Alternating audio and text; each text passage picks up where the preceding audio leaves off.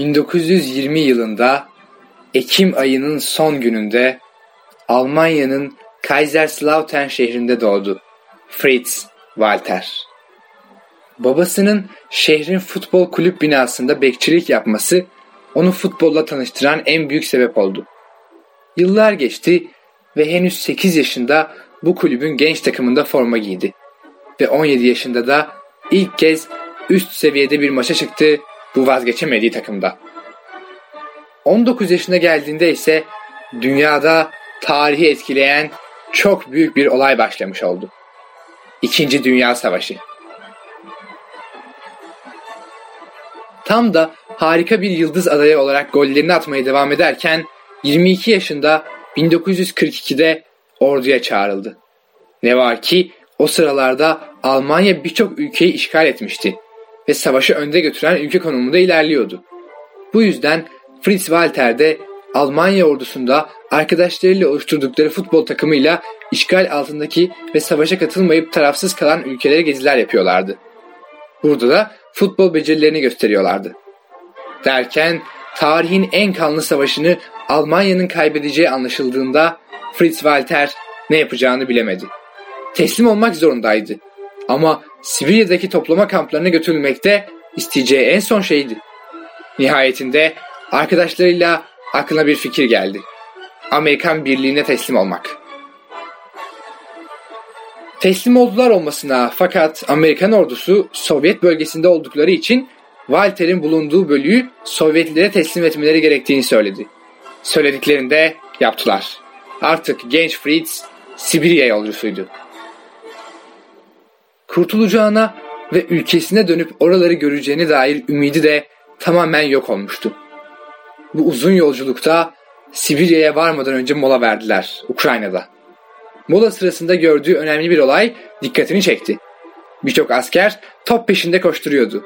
Çek, Macar, Polonyalı askerler. En büyük tutkusu futbol olunca da kendine hakim olamadı Fritz ve yanlarına gitti hemen bu askerlerin. Çok istiyordu o anda orada goller atmak ve oynayabilir miyim diye sordu askerlere. Bu hevesli genci görenler izin verdiler oynamasına. Çok mutlu oldu Fritz. Maç başladı ve gerçekten ne kadar iyi bir futbolcu olduğunu da herkese gösterdi attığı gollerle. Bu arada bir Macar subay bu yıldız futbolcuyu tanıdı ve yanına çağırdı.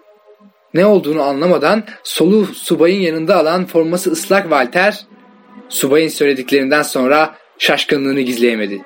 Subay şu sözleri söylemişti. Sen 1942'de takımınla bize karşı bir maç yapmıştın ve orada bize karşı iki gol atmıştın değil mi? Fritz de evet diyerek karşılık verdi.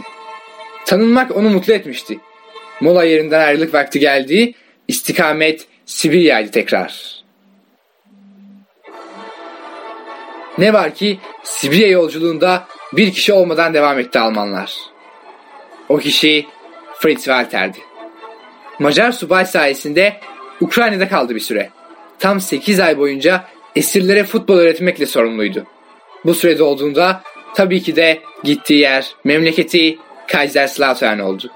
Yıllar geçiyor ve Walter ailesinden iki futbol yıldızı, iki kardeş kendini 1954 Dünya Kupası'nda buluyordu.